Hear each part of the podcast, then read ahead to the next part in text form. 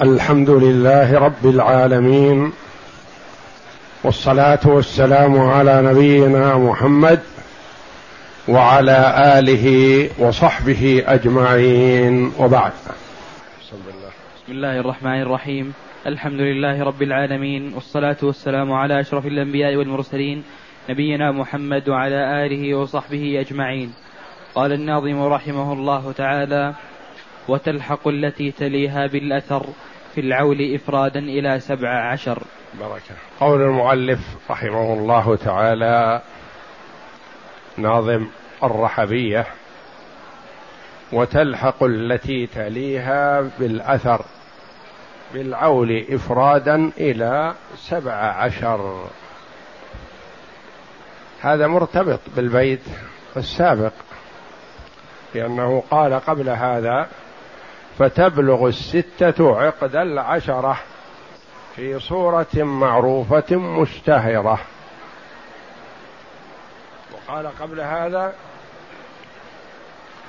فالسدس من ستة أسهم يرى والسدس والربع من اثني عشر والثمن إن ضم إليه السدس فأصله الصادق فيه الحدس أربعة يتبعها عشرون يعرفها الحساب أجمعون حساب الفرائض لا حساب العاديين فلا يعرفونها.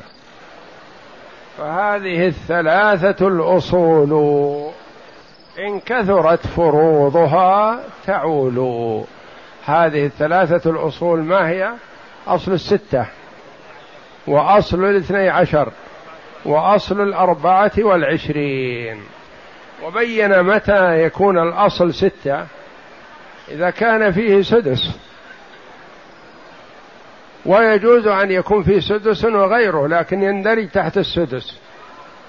فإن كان في المسألة ثلث وربع أو سدس وربع فأصلها من اثني عشر. وإن كان فيها ثمن مع غيره فأصلها من أربعة وعشرين. ثمن وسدس. مثلا. ثمن وربع ما يجتمعان.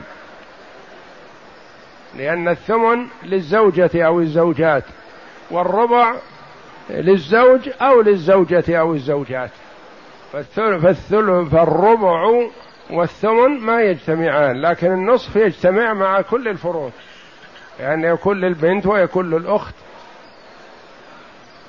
ويكون للزوج ويكون كما تقدم بنت الابن والأخت الشقيقة والأخت لأب. فهذه الثلاثة الأصول ما هي؟ أصل ستة وأصل اثني عشر وأصل أربعة وعشرين. قد يقول قائل مثلا كيف نعرف نفرق بين أصل ستة من أصل اثني عشر من أصل أربعة وعشرين؟ نقول ينظر في الفروض التي فيها. إن كان فيها سدس فقط فهي من ستة. سدس ونصف من ستة. سدس وثلث من ستة. وهكذا. فإن كان فيها فرضان ما يدخل أحدهما تحت الآخر فهي تكون من اثني عشر أو من أربعة وعشرين. إن كان فيها سدس وربع. ثلث وربع. فهي من اثني عشر. لأن مخرج السدس من ستة ومخرج الربع من أربعة والستة والأربعة بينهما توافق بالنصف. نضرب نصف أحدهما في كامل الآخر فيخرج اثنا عشر. ولا يحتاج أن ننظر إلى هذه مثلا نقول نضرب وأحدهما في النصف الآخر وكذا إلى آخره. واضح. إن كان في المسألة ربع وثلث من أول وهلة قلنا من اثني عشر. إن كان فيها ثلث وسدس قلنا من اثني ثلث و... وربع فهي من اثني عشر. وإن كان فيها خلاف هذا فينظر الذي يجمع الفرضين. فإن كان في المسألة ثمن مع غيره فلا بد أن تكون من أربعة وعشرين. لأن الثمن يخرج من ثمانية. إذا كان فيه غير الثمن مثلا ثلث ثمن وثلث مثلا الثمانية ليس لها ثلث والاثنى عشر لها ثلث لكن ليس لها ثمن فتكون من أربعة وعشرين. يقول هذه الثلاثة الأصول أصل ستة وأصل اثني عشر وأصل أربعة وعشرين إن كثرت فروضها تعول. كيف تكثر فروضها؟ يكون فيها أكثر من الواحد الكامل. فلا بد أن نعيلها. إذا صار فيها نصف ونصف ما يحتاج ما تعول. نصف ونصف.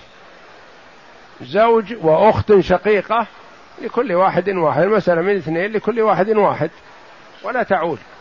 وما كان من اثنين ما يعول. كان من ثلاثة لا يعول. كان من أربعة لا يعول.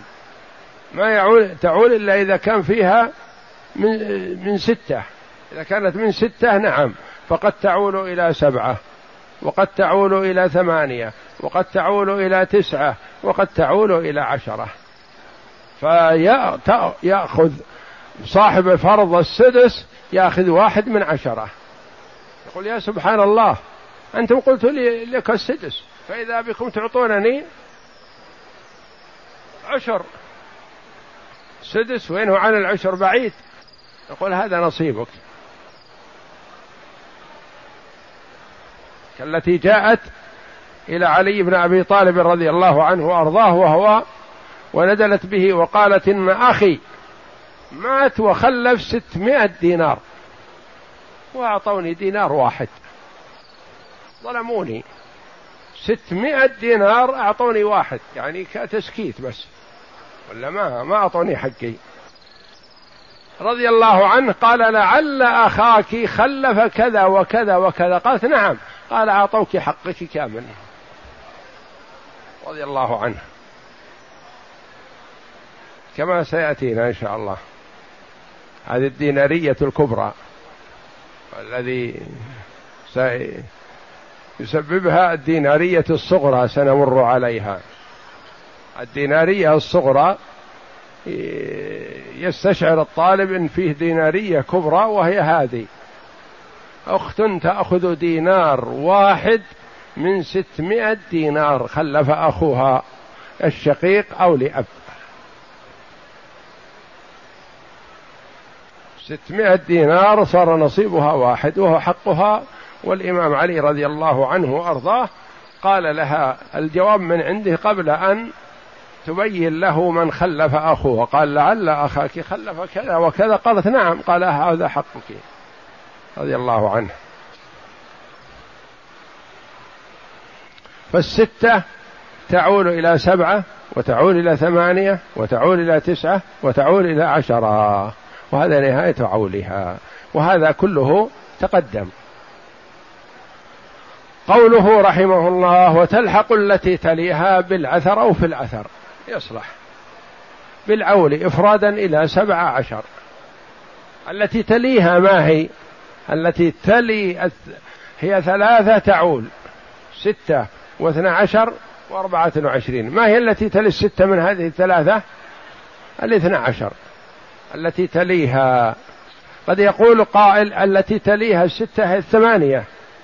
أصل ثمانية والأصل ثمانية أصلا ما دخل في الموضوع لأنه قال هذه الثلاثة الأصول أصل ستة وأصل اثني عشر وأصل أربعة وعشرين. الكلام عنها. فالتي تليها تلي الستة من الثلاثة الأصول التي تعول. هي الاثنى عشر. إفرادا.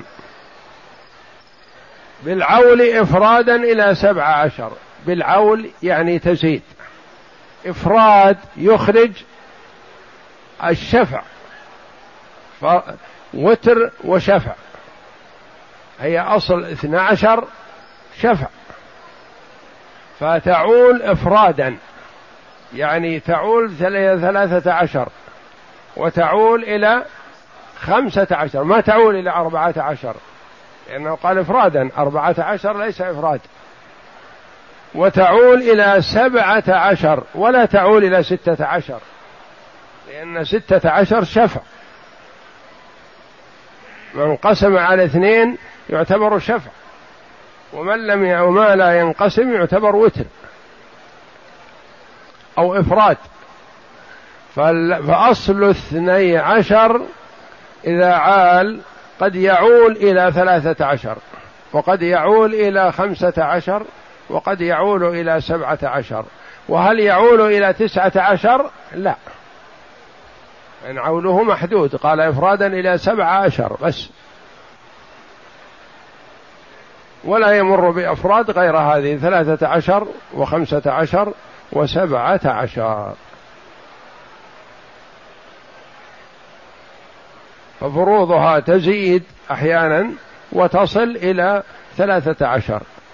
تصل إلى خمسة عشر تصل إلى سبعة عشر وتقف.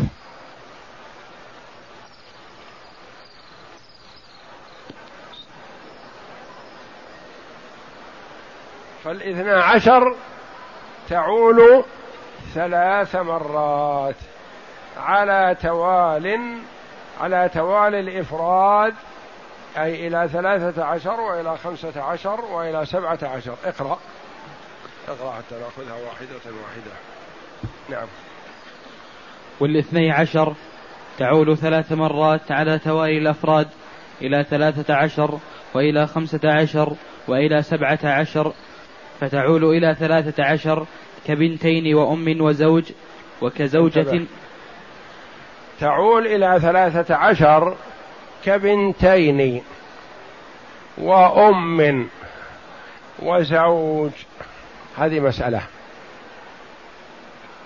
بنتين هالك هلك هالك. عن بنتين وأم وزوج. المسألة من اثني عشر. لما قلنا من اثني عشر؟ لأن البنتين لهما الثلثان. والثلثان تخرج من أعداد.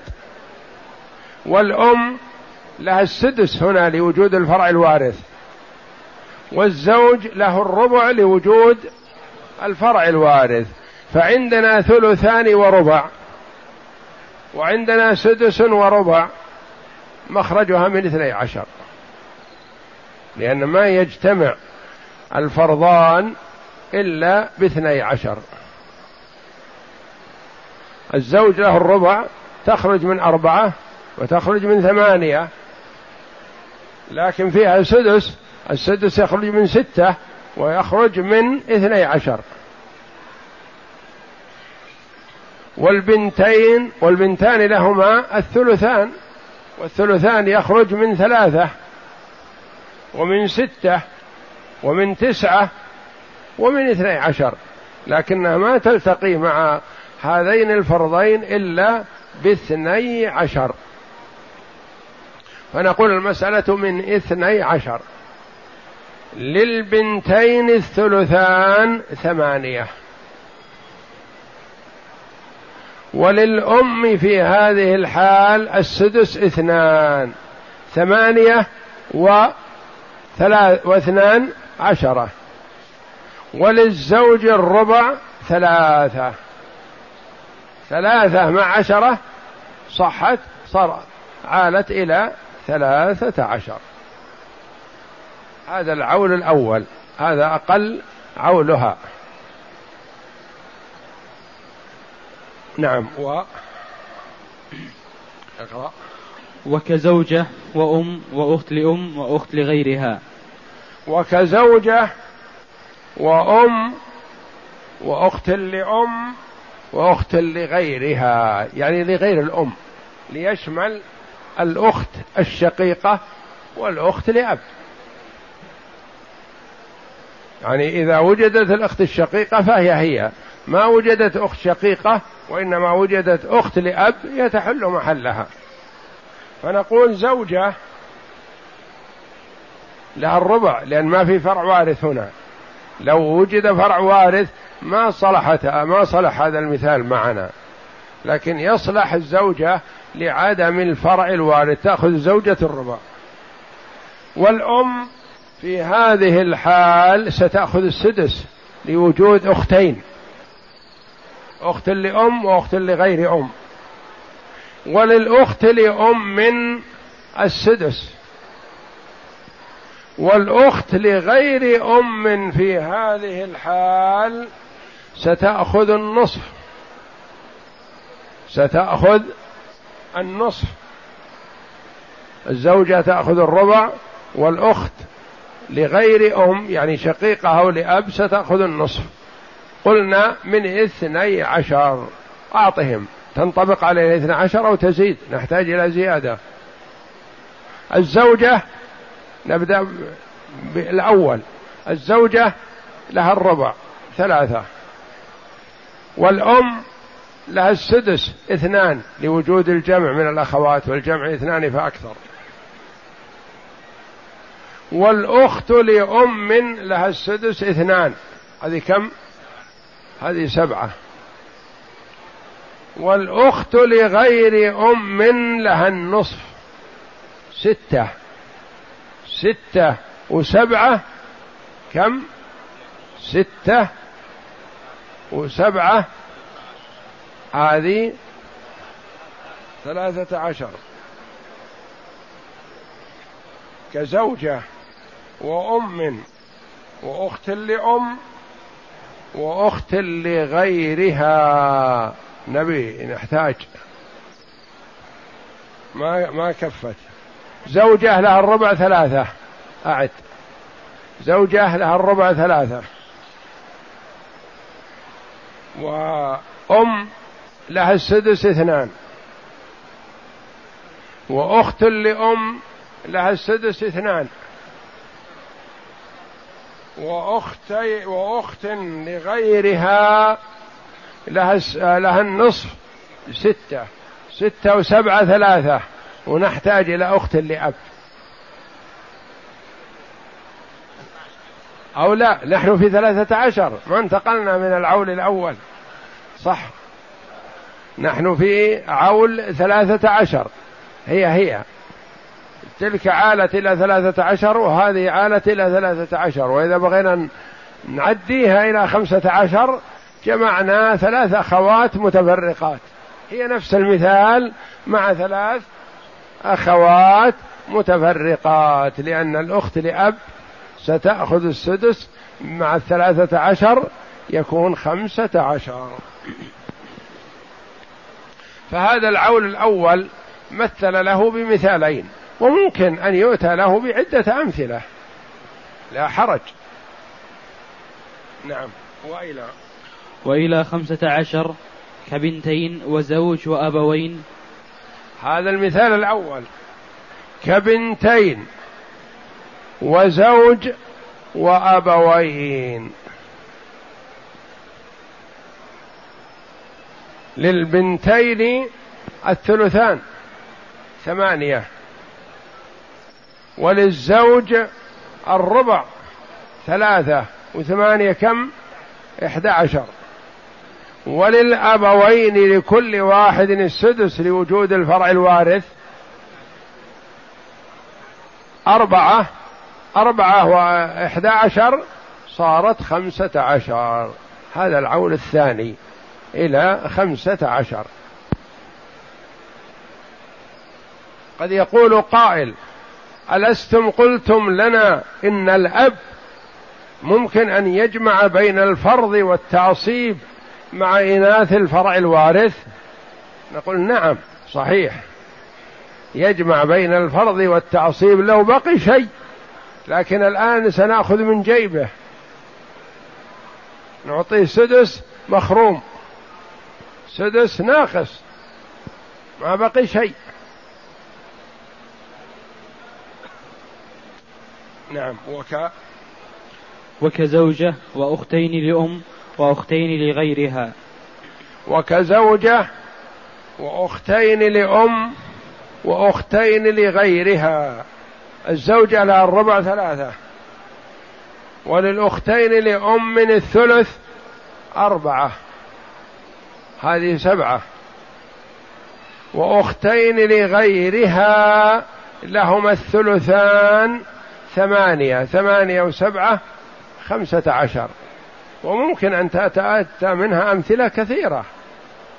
ثلاث أخوات متفرقات نصف وسدس وسدس وهكذا. فتعول إلى خمسة عشر يعني زيادة على الفرض اثنى عشر ثلاثة نكون في حاجة إلى ثلاثة يعني بالربع. عالت بربعها. نعم. وإلى سبعة عشر كزوجة وأم وولديها وأختين لغيرها. وتعول إلى سبعة عشر. يعني اثنى عشر تعول إلى سبعة عشر. مثل له بزوجة. لها الربع كم؟ ثلاثة. وأم في هذه المسألة لوجود الجمع من الأخوات لها السدس اثنان. وولديها ذكر ولا أنثى ولا ذكر وأنثى؟ سيان اثنان. اثنان لهما الثلث. أربعة مع الخمسة صارت تسعة. وأختين لغيرها. أختين لغير الأم يعني أختين شقيقتين أو أختين لأب. لهما الثلثان ثمانية. ثمانية و وتسعة سبعة عشر. عالت إلى سبعة عشر. وهذه الأمثلة متقاربة. يعني إذا زاد معك سدس انتقلت من اثنى عشر إلى ثلاثة عشر. زاد سدس آخر تنتقل إلى خمسة عشر. زاد سدس زيادة تنتقل إلى سبعة عشر. فذات الخمسة عشر فيها سدس آخر انتقلت من خمسة عشر إلى سبعة عشر. وك نعم. وكجدت وكجدتين وثلاث زوجات وأربع أخوات لأم وثمان أخوات لأبوين أو لأب. وتلقب هذه الصورة بأم الأرامل. و... وبأم الفروج بالجيم لأنوثة الجميع وكن كلهن أرامل وبالسبعة وبالسبعة و... عشرية بفتح العين. وبالدينارية الصغرى. هذه تلقب بالدينارية الصغرى. ما هي؟ جدتين. وثلاث زوجات. كل ما انتقلت من واحد إلى واحد زد واحد. تبدأ من اثنين وتنتهي بثمانية. كجدتين وثلاث زوجات وأربع أخوات لأم وثمان أخوات شقائق. أخوات لأبوين أو لأب. كجدتين وثلاث زوجات وأربع أخوات لأم هذه تسعة. وثمان أخوات لأبوين أو لأب سيان سبعة عشر. تسعة وثمانية سبعة عشر. وهذه تلقب بالدينارية الصغرى. رجل مات وخلف سبعة عشر دينار وسبع عشرة امرأة وكل واحدة أخذت دينار مع تفاوت فروضهن.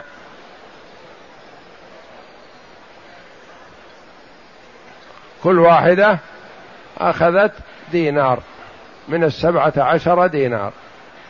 انظر إليها. هلك عن جدتين. كم للجدتين السدس. اثنان من اثني عشر. من أصل المسألة. لا من الدنانير. يأتي الدنانير. اثنين. وخلف ثلاث زوجات. لهن الربع من اثني عشر ثلاثة. وخلف أربع أخوات لأم. لهن الثلث من اثني عشر أربعة.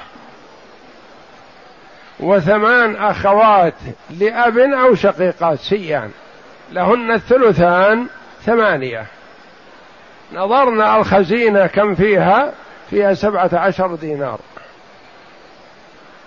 بقدر ما روي أن عمر بن عبد العزيز رضي الله عنه أمير المؤمنين لما مات ما وجدوا خلفه إلا سبعة عشر دينار ونال كل وارث من ماله دينار واحد رضي الله عنه. وقيل له أوصل بنيك. صغار. أنه توفي رضي الله عنه ورحمه شاب أوصل بنيك. قال هم بين رجلين. إما صالح فالله يتولى الصالحين. وإما فاسق فما ما, ما أنا الذي أعينه على فسقه. دعهم ما وصى لهم بشيء. فلما اقتسموا الميراث ميراث أمير المؤمنين كل واحد جاء دينار.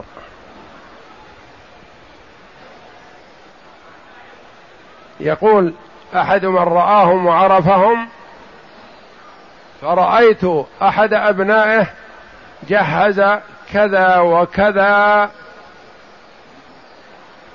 في سبيل الله. أغناه الله وتولاه الله وكان صالحا. فجهز في سبيل الله أموالا عظيمة وخيل وإبل للجهاد في سبيل الله. وأدركت غيره. ممن قسمت أمواله بلا عد ولا حصر. رأيت ابنه بعد سنوات يمد يده يسأل الناس. فصدق عمر رضي الله عنه. إن كانوا صالحين فالله يتولاهم وإن كانوا فساقا فما أنا بالذي أعينهم على فسقهم. أوصي لهم أعينهم على فسقهم لا. هذه الدينارية الصغرى هالك عن جدتين وثلاث زوجات وأربع أخوات لأم وثمان أخوات شقيقات أو لأب. عد النساء تجدها سبعة عشر. عد الدنانير تجدها سبعة عشر. كل واحد يأخذ دينار. مع اختلافين زوجات وجدات وأخوات لأم وأخوات شقيقات لكن ناسب العدد. الأخوات الشقيقات لهن الثلثان ثمانية دنانير. ثمانية دنانير لكل واحدة دينار. وللأخوات لأم الثلث أربعة دنانير. وللأخوات الشقي وللجدتين السدس ديناران.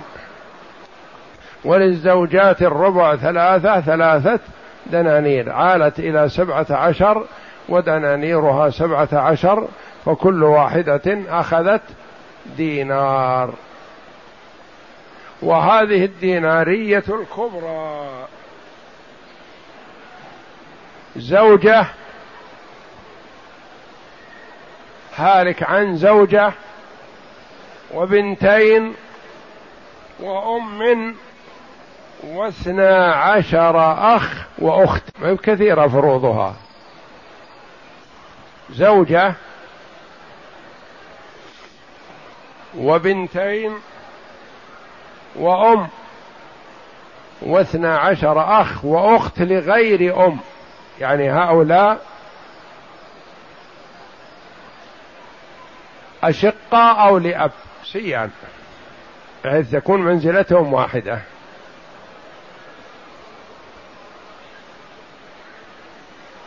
والتركة ستمائة دينار. كيف تقسمها؟ ألست تعطي البن البنتين الثلثان أربعمائة دينار من الستمائة. والأم لها السدس من ستمائة ستأخذ مائة دينار. والزوجة لها الثمن ستأخذ الثمن خمسة وسبعين دينار.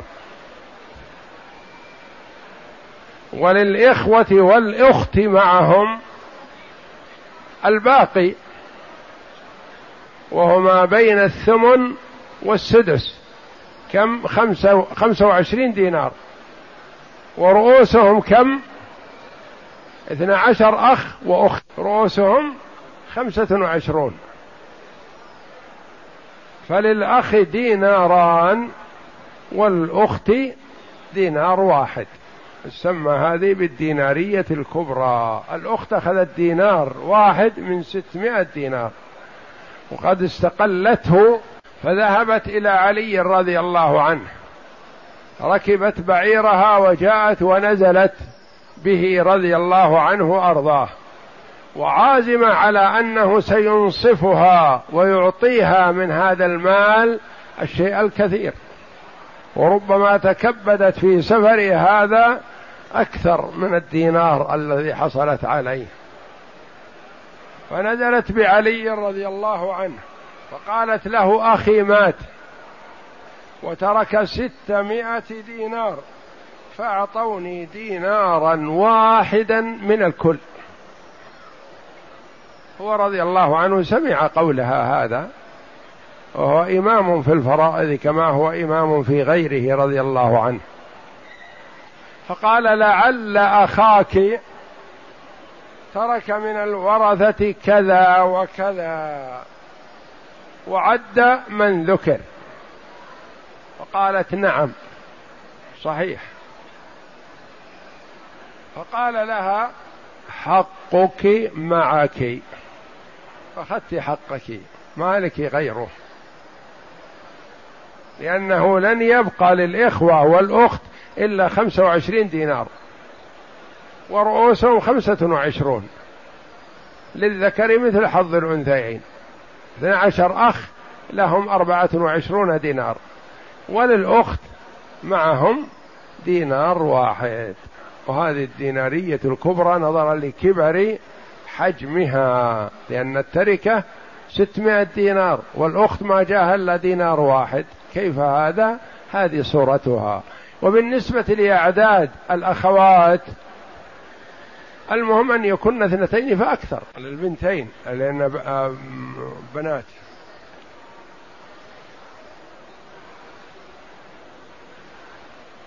زوجة وبنتان وأم واثنا عشر أخ وأخت واحدة لغير أم. وكجدتين وثلاث زوجات وأربع أخوات لأم وثمان أخوات لأبوين أو لأب.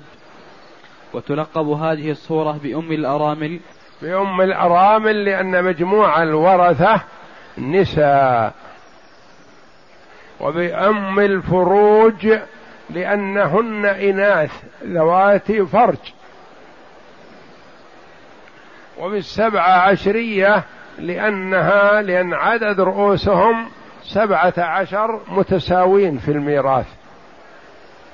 عدد الورثة سبعة عشر وكلهم يتساوون مع اختلاف إدلائهم. هذه زوجات وهذه بنات وهذه أم وهؤلاء إخوة إلى آخره. ما فيها إخوة. وتلقب وبالسبع عشرية هذا أصل اثنى عشر يعول ثلاث مرات. يعول إلى ثلاثة عشر وإلى خمسة عشر وإلى سبعة عشر.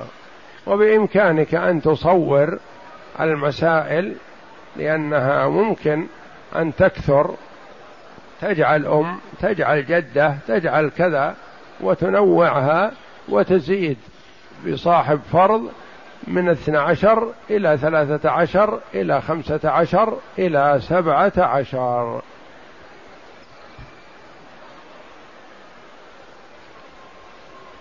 وأصل أربعة وعشرين سيأتي. اقسم. هلك هالك عن جدتين وأختين لغير أم وأختين لأم جدتين وبنتين وأختين لأم وأختين لغير أم. انتبه. يعني المسائل التي تلقى شفويا ما هي مثل المسائل التحريرية لأن المسائل الشفوية قد يغلط فيها. وأما المسائل التحريرية فما نحب أن نسود الأوراق بمسائل غلط. هالك عن جدتين وبنتين وأختين لأم وأختين لغير أم. ثمان نساء متفرقات. أين أحفاد زيد رضي الله عنه؟ المسألة من من كم؟ من اثني عشر. من اثني عشر. للجدتين السدس اثنان. انتبه. وللبنتين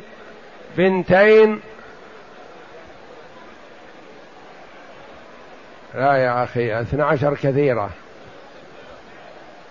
اثنى عشر كثيرة.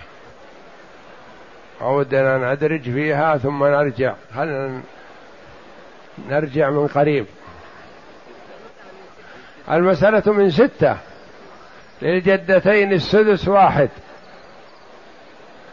وللبنتين الثلثان أربعة. وللأختين الشقيقتين الباقي والأخوات إن تكن بنات فهن معهن معصبات ويفضل ابن الأم بالإسقاط بالجد فافهمه على احتياطي وبالبنات وبنات الإبن فهو فبالأخ الأخوة لأم أولاد الأم يسقطون بالبنات. إذا نقول المسألة من ستة. للجدتين السدس واحد. وللبنتين الثلثان أربعة. هذه كم؟ خمسة. وللأخوات الشقيقات أو لأب الباقي واحد تعصيبا. وليس للأخوات لأم شيئا مع الفرع الوارث.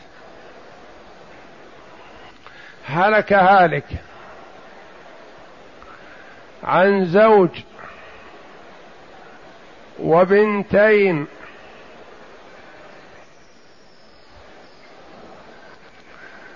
وأم وجدة. المسألة من اثني عشر. نعم.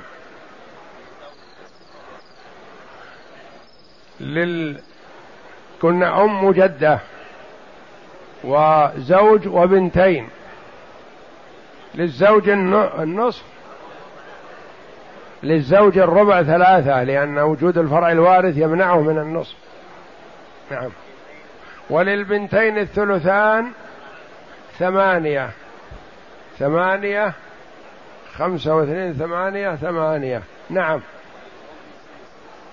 وللأم السدس اثنان. وللجدة ما تأخذ شيء مع وجود الأم. عالت المسألة إلى كم؟ ثلاثة عشر. عالت إلى ثلاثة عشر. لو وجد أخوة أو أخوات لأم لا يأخذون شيئا مع البنتين. وهكذا. والله أعلم. وصلى الله وسلم وبارك على عبده ورسول نبينا محمد وعلى آله وصحبه أجمعين.